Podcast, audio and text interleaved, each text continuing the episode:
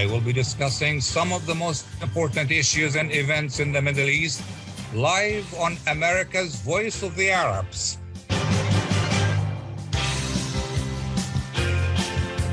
WNZK 690 AM and WDMV 700 AM.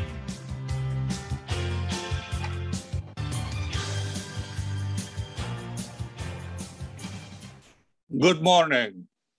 In Afghanistan, the female national soccer team is desperate to leave the country. Are they justified in their fear of what Taliban might do to them and why?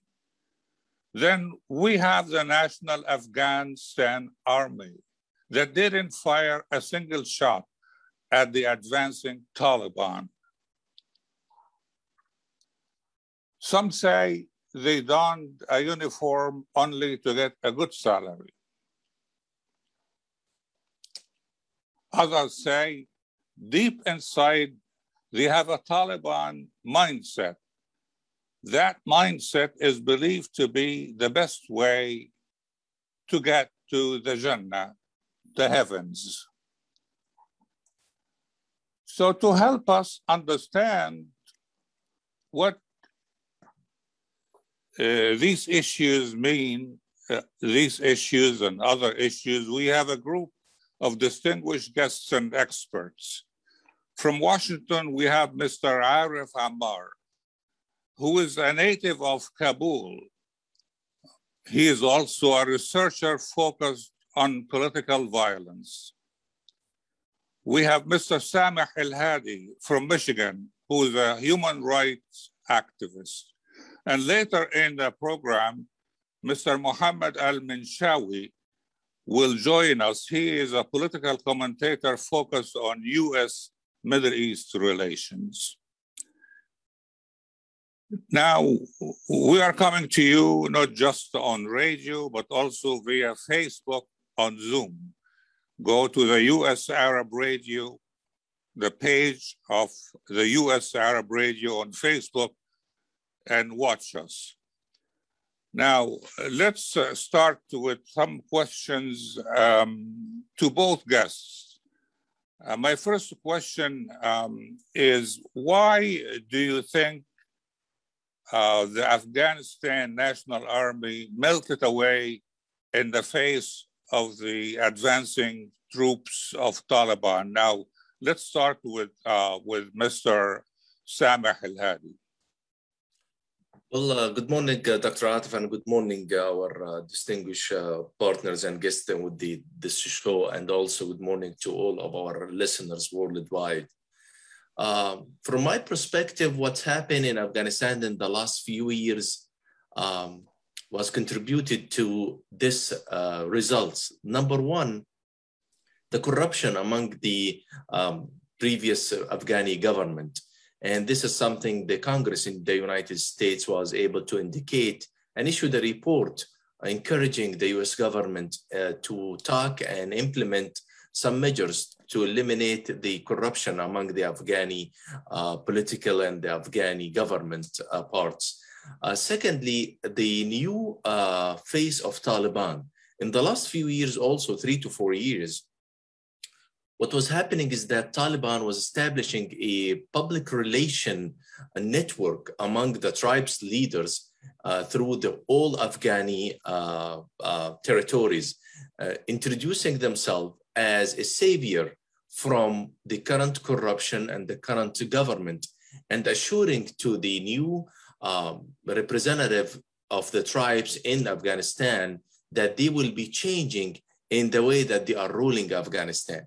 The only thing that they can guarantee for them is to maintain their authority among their territory and making sure that the profit and the revenue coming out from this territory it will be split in, in fair way between the tribe's leader and the Afghani uh, new ruler to Afghanistan.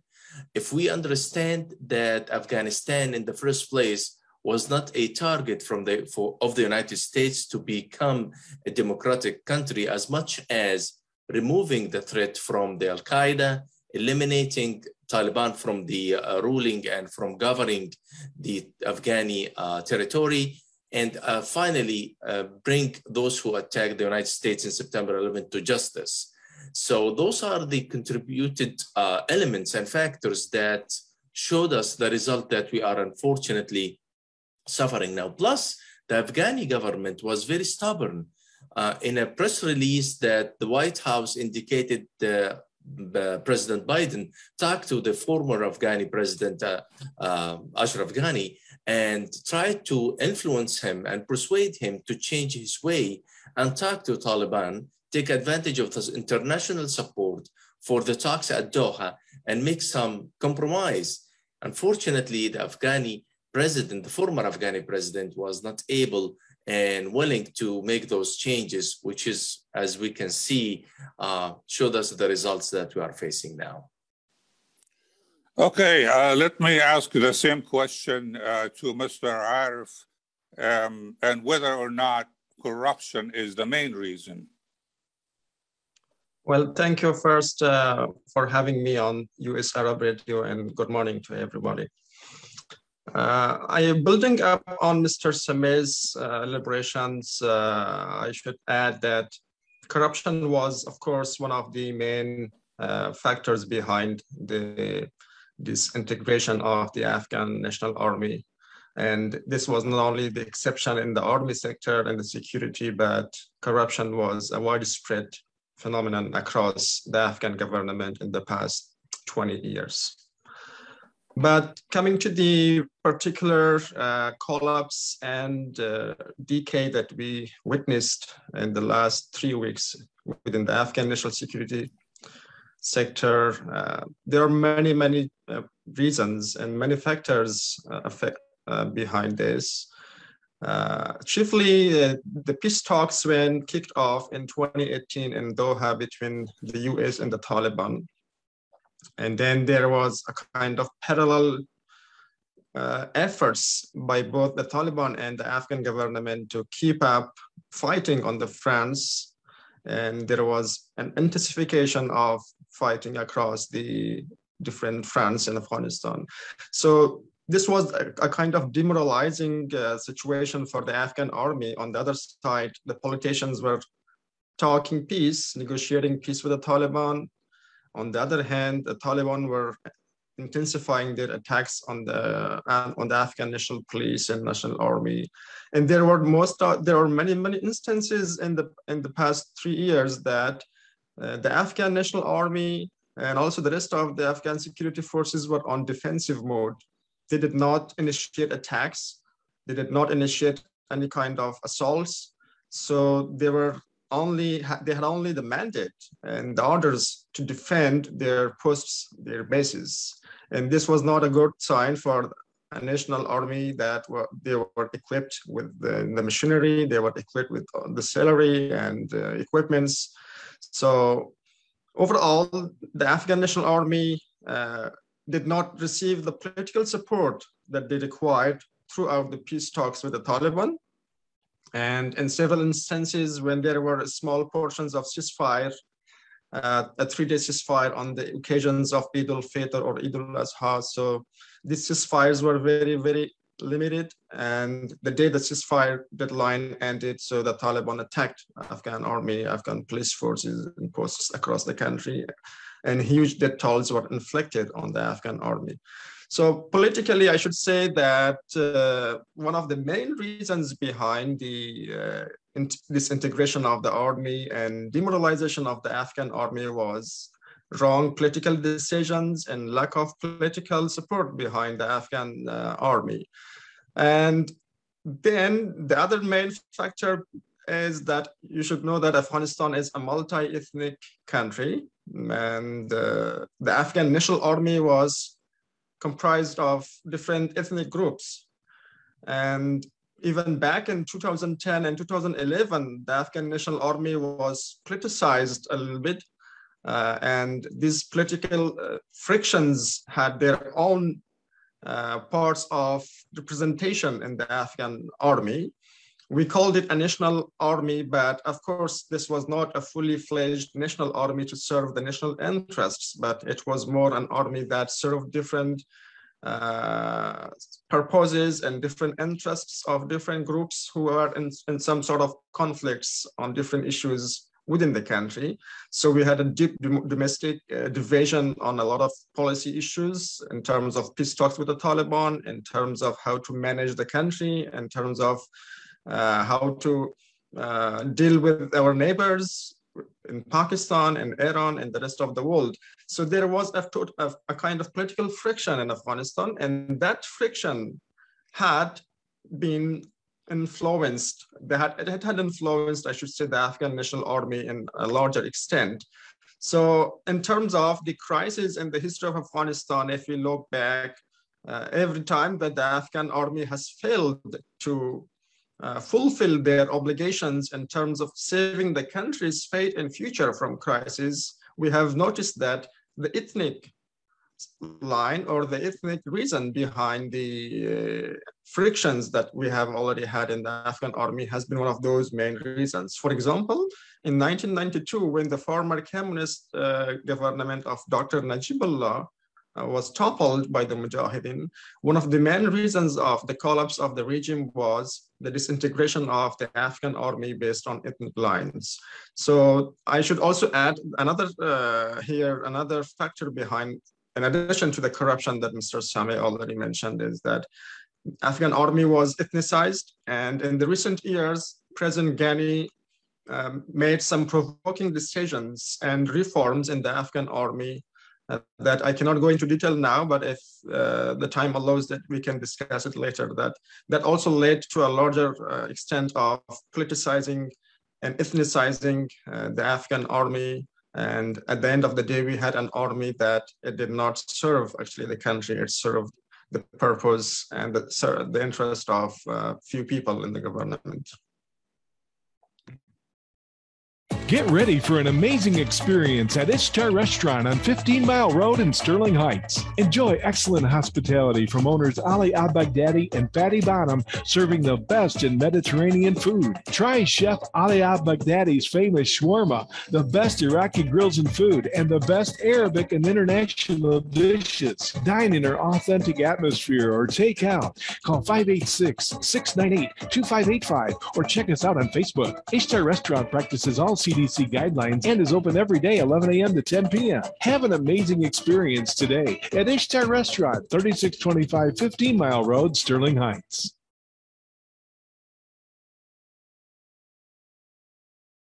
Are your hands feeling numb? Do you feel pain opening up a jar, turning a key?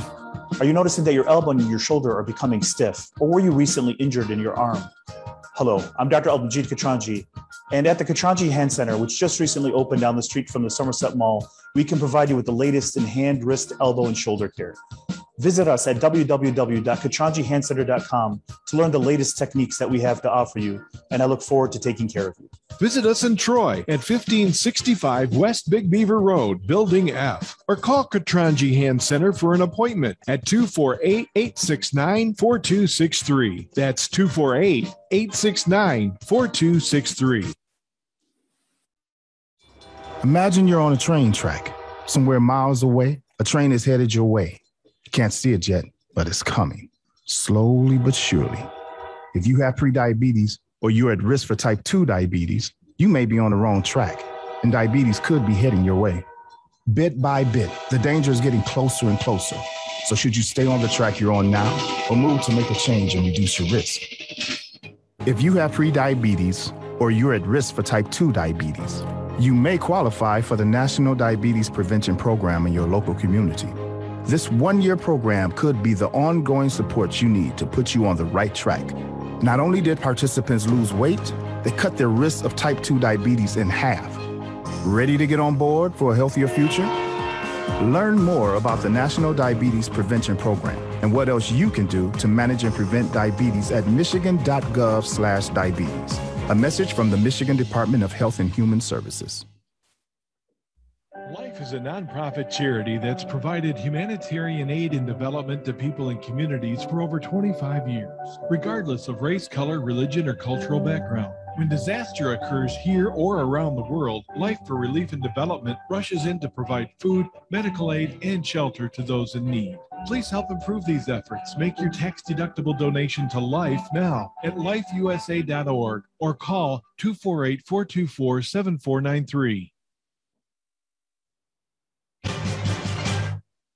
I am Atif Abdel Jawad. Join me the first Friday of each month at 8 a.m. Eastern Time.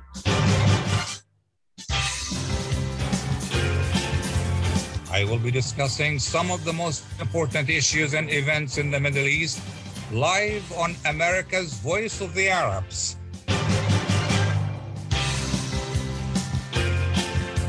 WNZK 690 AM and WDMV 700 AM.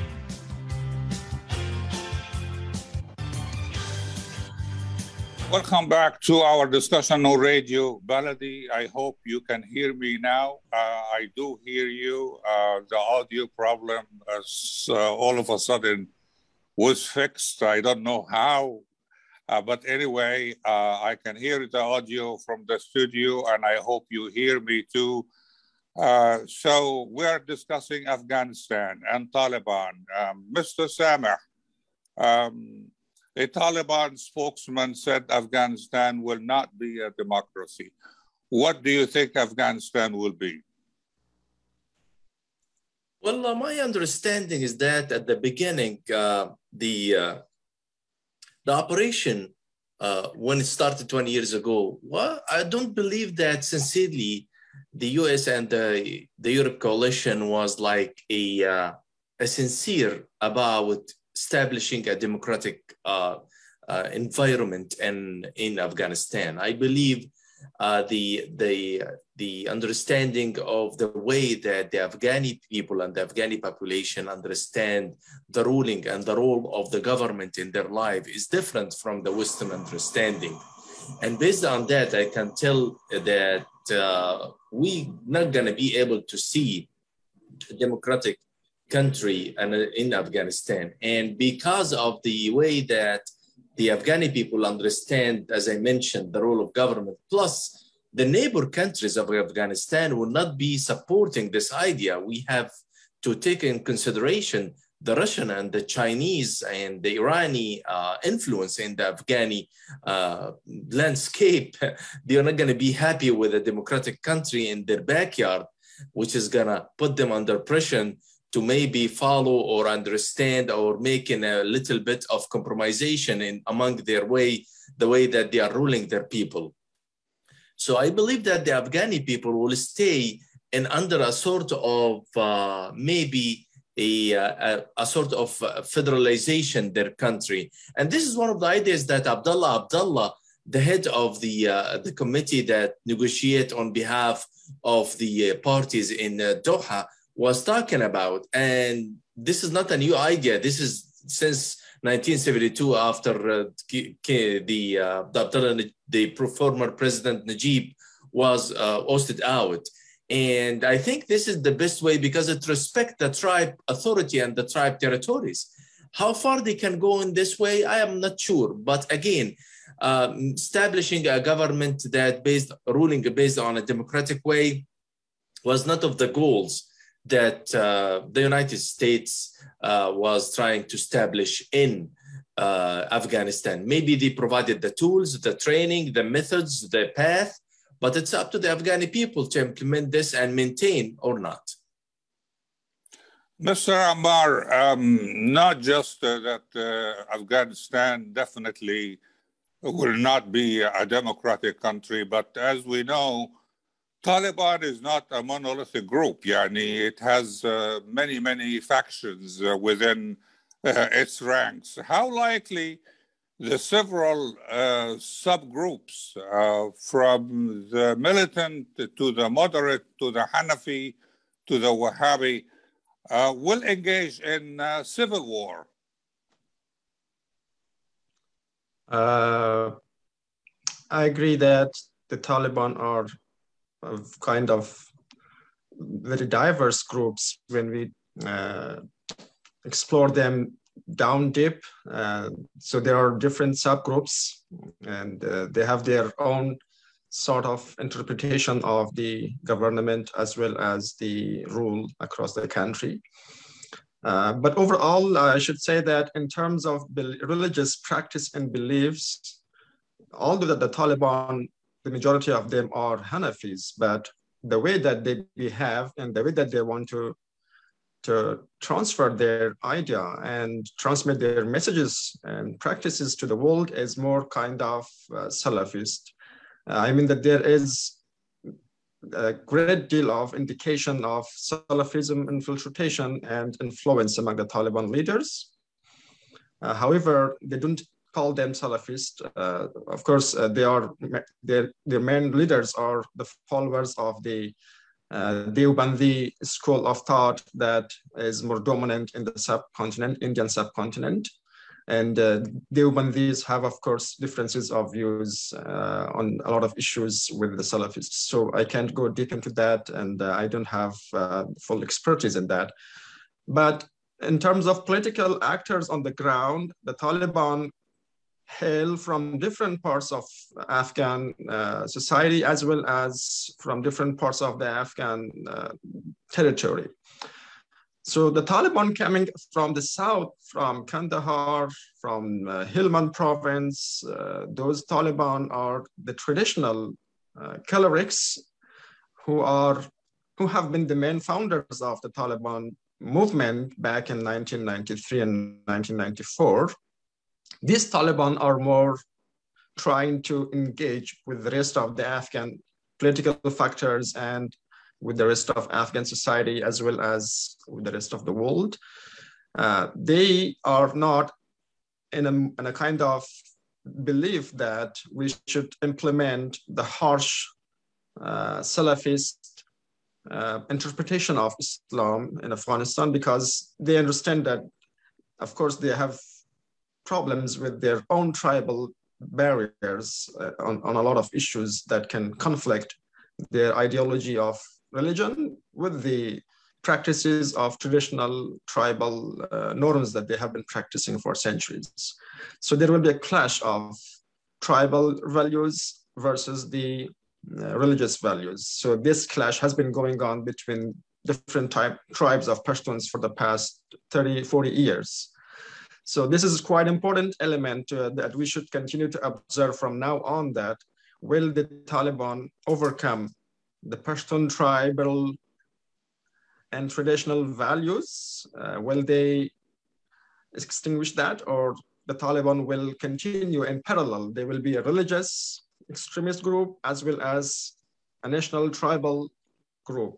So if they can reconcile between these two things, I think I think that they can at least win the hearts and minds of the Pashtun population. But the Pashtuns are not the only ethnic group in Afghanistan, so they constitute less than 50% of the population. And the rest of the population is scattered across other ethnic lines that they don't agree with the Taliban's interpretation of Islam, as well as with their religious practices. So what about we also have uh, the armed militias uh, like the Tajik and all. Though they, they don't like Taliban. Uh, what That's role? Uh, what role these militias might might play, and uh, will they fight Taliban on the on the battlefield? Of course, I was coming to that. That when the Taliban will try to impose their extremism and harsh uh, ways of ruling the country, as well as to implement the ideological beliefs that they hold. This will have backlashes, and as, as it had in the past uh, in the 1990s. At the moment, there is a resistance going on in the country. It's north, uh, Panjshir province, which is some 70 kilometers north of Kabul. And there are intense fighting going on between the Taliban and the resistance uh, movement. So they have called themselves Afghanistan National Resistance Front, which is uh, uh, the, which is a new version of the former Northern Alliance that was uh, led by former commander Ahmad Shah Massoud, the slain commander who fought the Soviets and then the resistance and the Taliban. And still, it is too early to uh, judge uh, or to jump into conclusion that who else will join the National Resistance Front uh, against the Taliban in the north. Uh, but this will be quite important to explore the the possibilities of small pockets of resistance against the Taliban and several places like the central highlands in Afghanistan and, uh, and also in the north of the country bordering Uzbekistan, we have uh, the Uzbeks ethnic groups that they are, uh, they have been fighting the Taliban all these 20 years, as well as the Tajiks that they have already started fighting the Taliban in north of Kabul. So of course, we will uh, observe and we will, of course, there are some possibilities of further small pockets of resistance against the Taliban. Okay, when we come back from the break in a minute, we uh, will be joined um, by Mr. Mohammed Al-Manshawi. I hope he is there. And I will ask him uh, if he thinks Taliban will be different this time around after the break. Ziad brand. Quality products from our family to yours. Ziad Brothers Importing offers the finest quality products, including brands like Sultan, Kraft, Nestle, Hook, Rico Picon, Donna, and many more. Ask your retailer to carry these fine products because you deserve the very best. For more information, visit our website at www.ziad.com. That's www.ziad.com. Ziad, quality products from our family to yours. At Top Rehab Physical Therapy Clinic in Dearborn, we provide effective physical therapy sessions in order to limit pain and discomfort. Top Rehab provides physical therapy care for any diagnosis prescribed by a physician, and we regularly see and treat conditions such as stroke, TMJ, fibromyalgia, sciatica, joint pain, and more. We use a variety of pain management methods, including modalities, soft tissue mobilization, and therapeutic exercise. If you're in need of physical rehabilitation or physical therapy, get the highest quality health care at Top Rehab. Most insurance is accepted, and we're open Monday, Wednesday, and Friday 8 to 6, Tuesday and Thursday 8 to 5, and Saturday 10 till 2. Call for an appointment today at 313 846 0555. That's 313 846 0555. Choose Top Rehab Physical Therapy Clinic on Michigan Avenue in Dearborn. Life's too short to be in pain. Kashat's Mediterranean Market in Shish Kebab offers a great array of your favorite Mediterranean meals. Meals range from lamb specialties, shawarma sandwiches, and seafood dinners. Plus, they offer big trays of your favorite food and so much more. Kashat's Mediterranean Market and Shish Kebab is located at 32839 Northwestern Highway in Farmington Hills and is open from 9 a.m. to 9 p.m. So stop in or call Kashat's today at 248 538 9552. That number again, 248 538 9552. Kashat's Mediterranean Market and Shish Kebab will definitely leave you satisfied. I am Atif Abdel Jawad. Join me the first Friday of each month at 8 a.m. Eastern Time.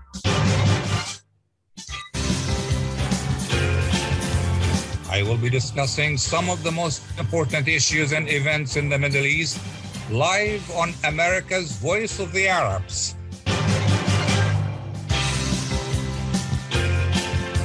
WNZK 690 AM and WDMV 700 AM.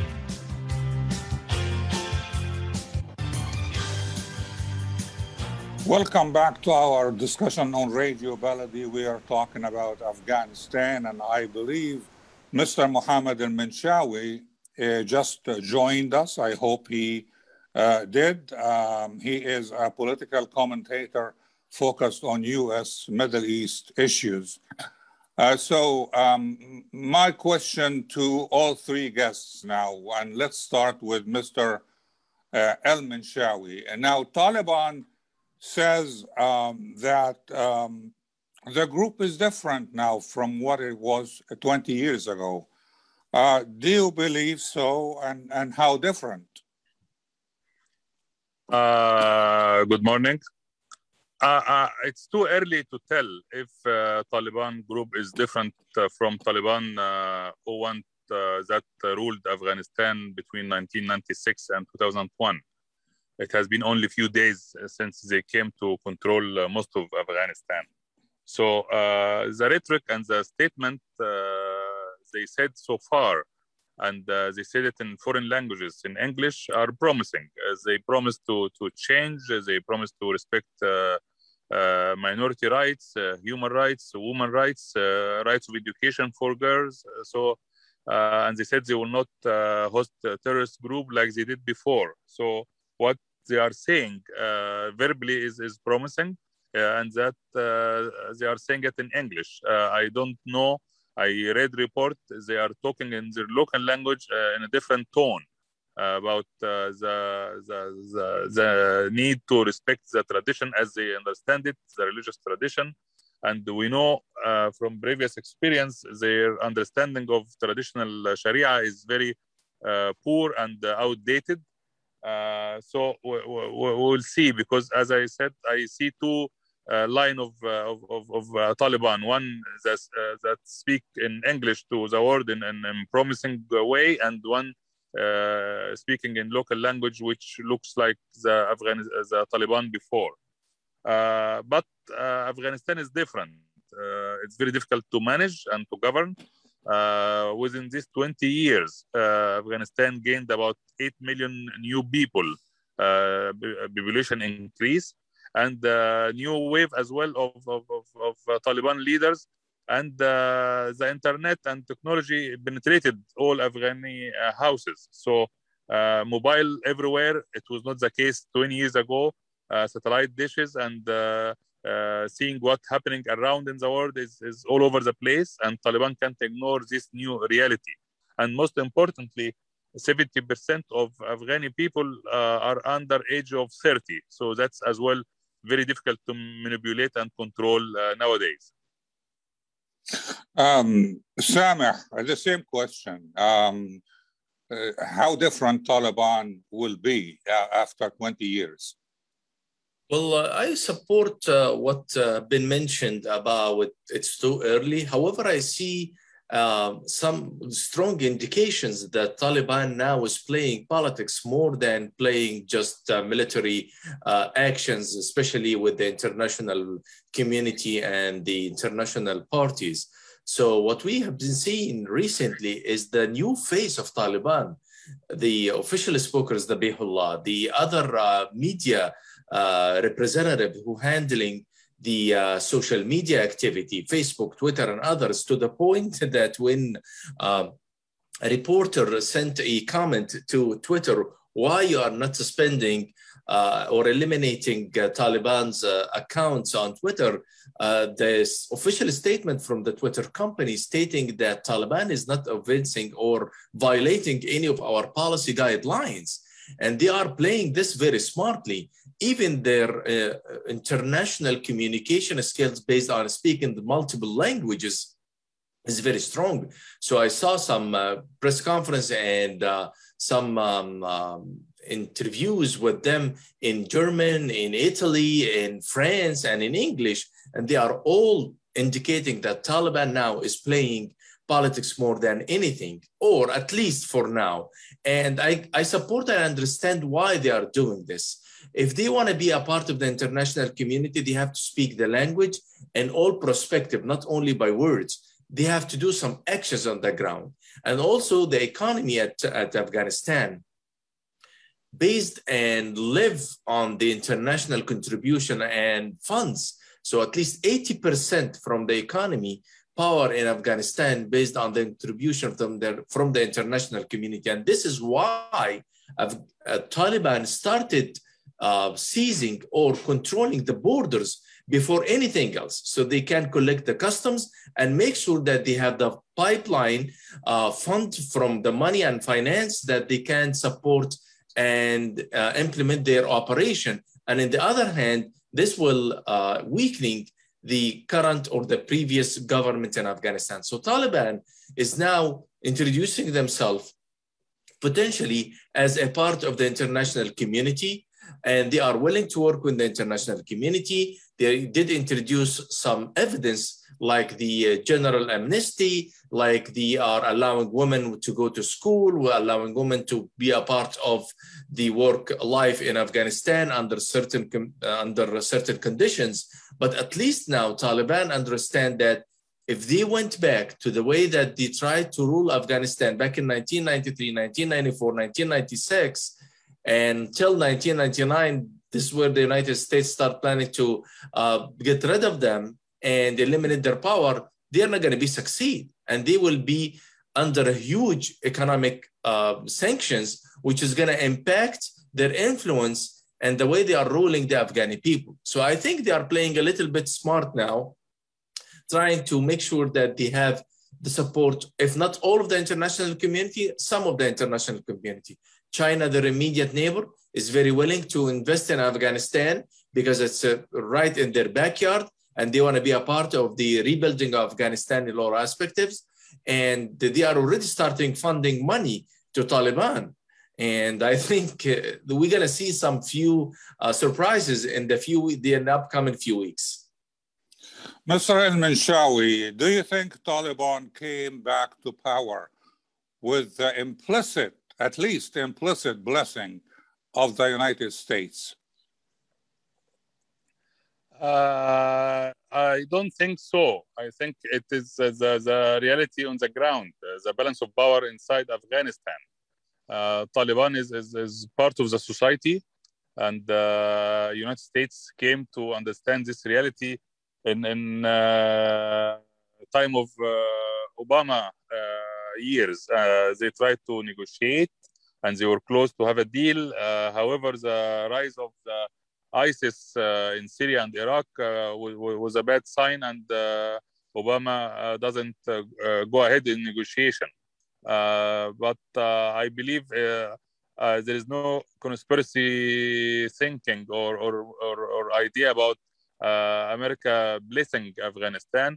They just believe in, in the balance of power and, and they can't ignore it after 20 years. They try to depend on corrupt elite of Afghanistan, uh, uh, and they uh, assumed, like most Arab country, a local corrupt elite will be good to govern. But Afghani nature and Afghani people, I believe, more harsh to control by by corrupt elite that supported by by the West, as the case in most Arab countries.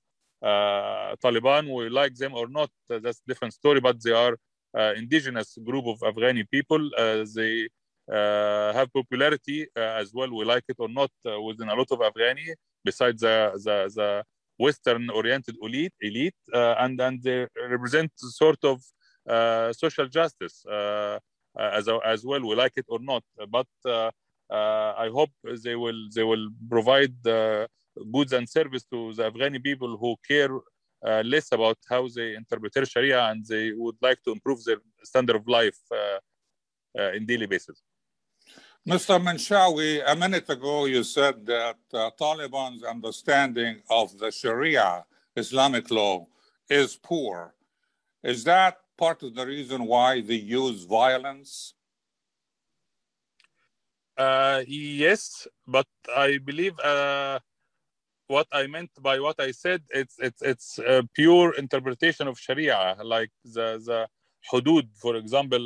They want to to uh, uh, apply some rules that uh, early Muslim did it 1500 years ago. So I believe it's, it doesn't suit today's Afghanistan or today's human societies. Uh, that's what I mean by by by uh, implying their interpretation of Sharia. Uh, I believe if Prophet Muhammad was alive today, his daughter will go to school, no doubt, and he will seek a good future for them to be professional uh, ladies uh, successful in any society so that's what i mean by poor understanding of uh, sharia Okay, Mr. Sameh, um, again, back to my question earlier to Mr. Al-Minshawi about the U.S. position. Do you think that Taliban came to power with the implicit support of the United States? Well, the United States definitely uh, understood, the, as mentioned, uh, the uh, the distinguished uh, position of uh, Taliban in the Afghani community.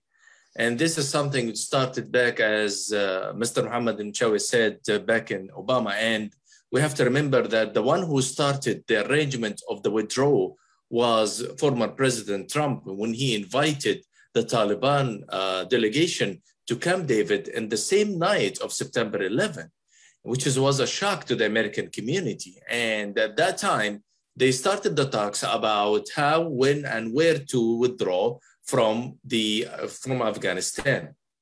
However, the United States, uh, I believe there is like maybe uh, unannounced understanding that we can be a partner for you. However, there are three conditions you must guarantee. Number one, there is no uh, harvest or no uh, welcome uh, environment at Afghanistan for the international tourism group.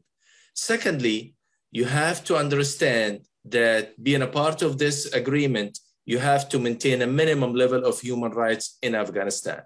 Number three, in the future, you have to work with the United States to guarantee and protect the interests of the United States in the regions. And I believe that Taliban, with these three conditions, they can survive. Is that going to be a problem for them to maintain things, especially with the new improvement in their ideas and their interpretation to the international relation and the understanding of the importance of being a part of the international community. Uh, otherwise, the United States will accept work with Taliban. And this is not only the position of the United States government, this is the position of most of the Europe, uh, United uh, Europe uh, countries and also the understanding of the neighbors in the uh, area of Afghanistan. Everyone is willing to work with Taliban. However, Taliban need to improve and make sure and provide evidence that they are willing to work uh, with the international community. When we come back from the break, uh, we will discuss how Taliban might treat uh, the Afghani women to, after the break. When it comes to reproductive medicine, IVF Michigan Fertility Centers are the recognized leaders. With locations in Bloomfield Hills and five other cities in Michigan and Ohio, IVF has experts in all aspects of the field. As a founding member of IVF Michigan Fertility Centers, Dr. Nicholas Shamma is one of the leading reproductive endocrinologists in Michigan and Ohio. Dr. Shamma has performed over 10,000 IVF cases and has helped thousands of couples fulfill their dreams of parenthood. American board certified in both obstetrics and gynecology and reproductive endocrinology and infertility. Dr. Nicholas Shamma is a very caring, compassionate, expert physician that understands not only the medical but also the emotional toil of infertility on his patients. When it's time, get personalized care from Dr. Nicholas Shamma at IVF Michigan Fertility Centers in Michigan and Ohio. Call toll free 855 952 9600. 855 952 9600. Enjoy the first Syrian style cuisine in Michigan. At Damas Cuisine and Catering, you'll find a wide selection of Syrian foods and sweets in our menu, like frikeh, hoisin, grape leaves with steak, mishawi platter, hot mahashi, char grilled kebab, shawarma, and much more. Get super fast delivery from Damas Cuisine and Catering right to your door. Order online at damascuisine.com forward slash menu and track your order live. Damas Cuisine and Catering, 28841 Orchard Lake Road in Farmington Hills. Call 248 987 4985. When you're looking for the best in optical care, Dr. Imad Nakash is your doctor to see. With years of experience and thousands of successful procedures performed, you can trust your eyes to Dr. Imad Nakash. See Dr. Imad Nakash and his professional staff for your eye care needs. There's two locations to serve you. In Hazel Park, call 248 336 3937. 248 336 3937. In Rochester Hills, call 248 299 3937. That's 248 299 3937. I am Atif Abdel Jawad. Join me the first Friday of each month at 8 a.m. Eastern Time.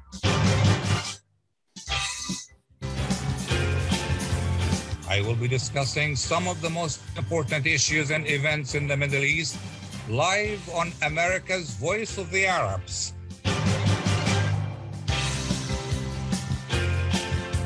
WNZK 690 AM and WDMV 700 AM.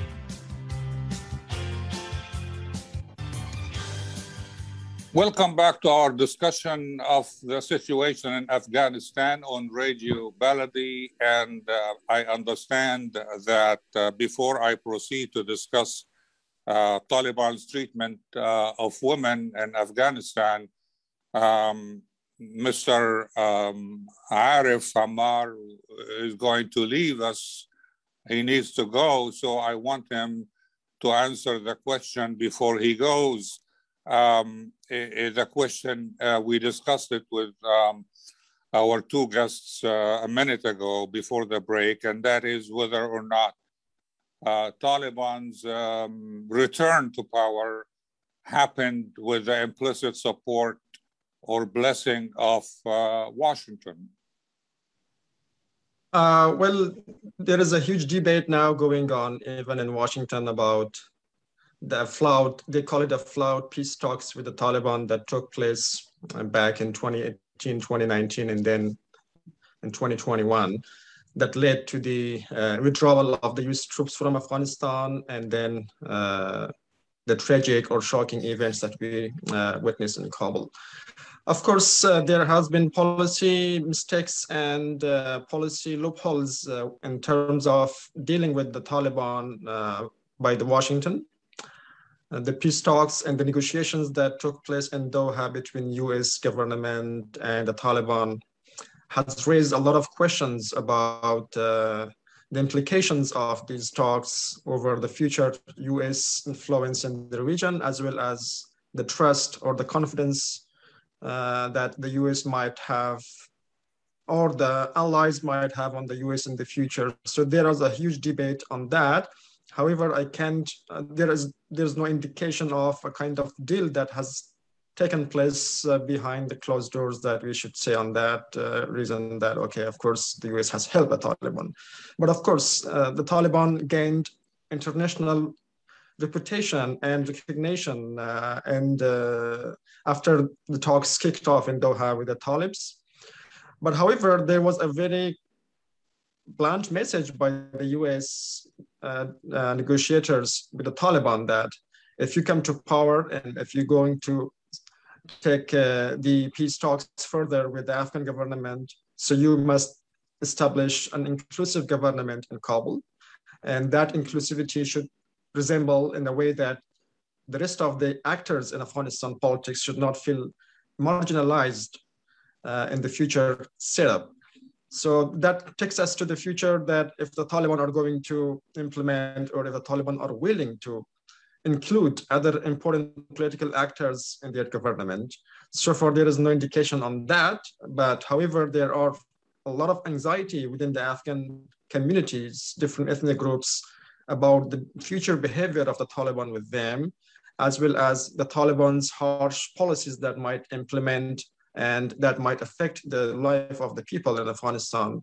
I should repeat again that Afghanistan is not a single ethnic society. It has it is a tribal, multi ethnic society, and uh, as uh, the other guests suggested, the country is has been resistant to the centralized government, and uh, a centralized government has not solved the issues of that country for the past, uh, at least in the contemporary history of Afghanistan. So Taliban have a lot of uh, challenges ahead in terms of delivering on their promises that they made during the peace talks with the US.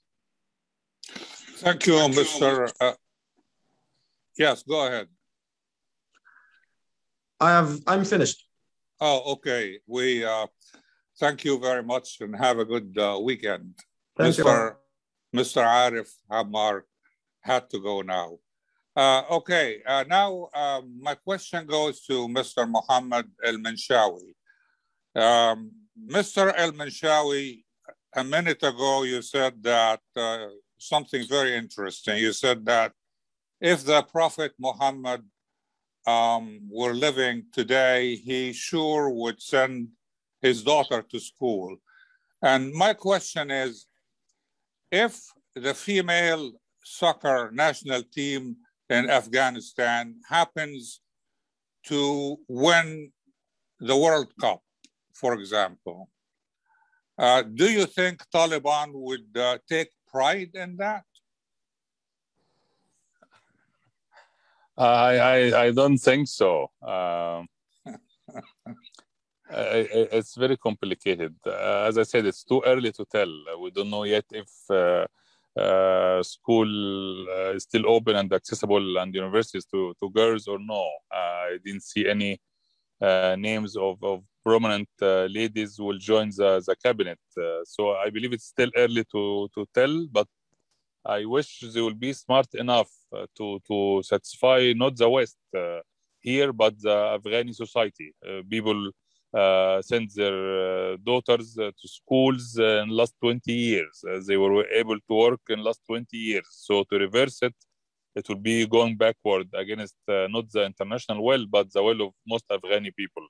Uh, Afghani ladies, like everywhere, half of the society, and I believe they will, uh, if they have the choice, they will prefer and they will uh, admire education and working to be professional and to depend on themselves uh, in today's uh, world. Uh, the economic reality in, in, Afghanistan is very dire. It's very bad. it's one of the poorest country in the world, and without women participation in all aspects of society, there will no hope for Afghanistan under Taliban or without even Taliban. Mr. Uh, Sameh, do you think that the Afghani uh, people themselves, not Taliban, the Afghan people themselves have changed over the past 20 years? Well, definitely, the, there are changes in the Afghani population in regard to demographic. When you see the uh, the uh, the average age of the population now is a little bit higher. Also, uh, from the last um, statistics, if I remember right, it's about maybe 42 of the populations are youth under the age of 32, under the age of 30. So uh, there is those changes that came with the 20 years of uh, ruling without uh, Taliban that's allowed them to be introduced to the new technology and cell phones, uh, social medias, uh, satellite TVs, and other. Plus that the economy in the last 15 years have a little bit of improvement because of the opportunities that generated by the international community and the support of the international community uh, showed them that there is some ways that they can make profits, collect revenue without being a part of the international uh, drug trade. And those changes will push the, uh, the Taliban control 100% over the Afghani people uh, away a little bit, especially when it comes to human rights, when it comes to women's rights and children's rights. Uh, I think Taliban now will understand that they need to compromise. They need to provide uh, a, a, gray area between what they uh, want and how they want it, and also what the, the uh, Afghani people and the international community wants. Uh, this area will allow them to survive will, will allow them to get an international recognition, which is very important for them. And this is why we, I, I, I personally see some positive uh, indications and from their side that they are willing to do this and be flexible when it comes to fundamental issues that they are uh, refusing to do any compromisation back in days when they are in full control between 2001. Mr. El Manshawi, as you, you heard uh, uh, Mr. Sameh just said that the economy, uh, the Afghan economy has improved a little bit over the past 20 years. Um, however, um, the central bank in Afghanistan says that foreign currency reserve is almost zero now, zero. So uh, how can Taliban run the country unless the US uh, unfreeze the assets that they have in US banks?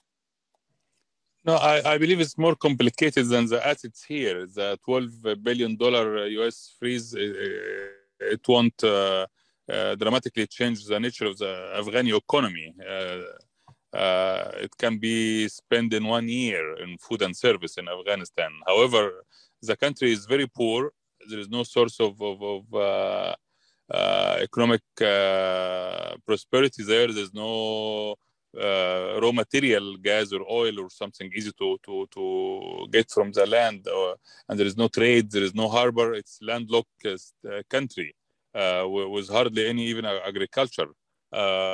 So they used to live in, in, in, foreign aid, international aid for decades, and I believe uh, now they need to to think dramatically about how they can survive in today's economy. Uh, the West and the United States uh, they will support eventually, uh, but but without uh, putting some foundation for the economy, it will not uh, sustain itself. Uh, societies like Afghanistan can't live in foreign aid forever. And I believe the new leadership should understand this reality and, and find a way out of this poverty. as I said, they have uh, no immediate access to, to, to, to foreign currency, uh, as you correctly said. But even okay, Mr. Have... Mr. Minshawi, thank you very much. We got uh, the point, but we are running out of time. Thank you, okay. Mr. Muhammad El Minshawi, and thank you, Mr. Samah El Hadi, and have a good weekend.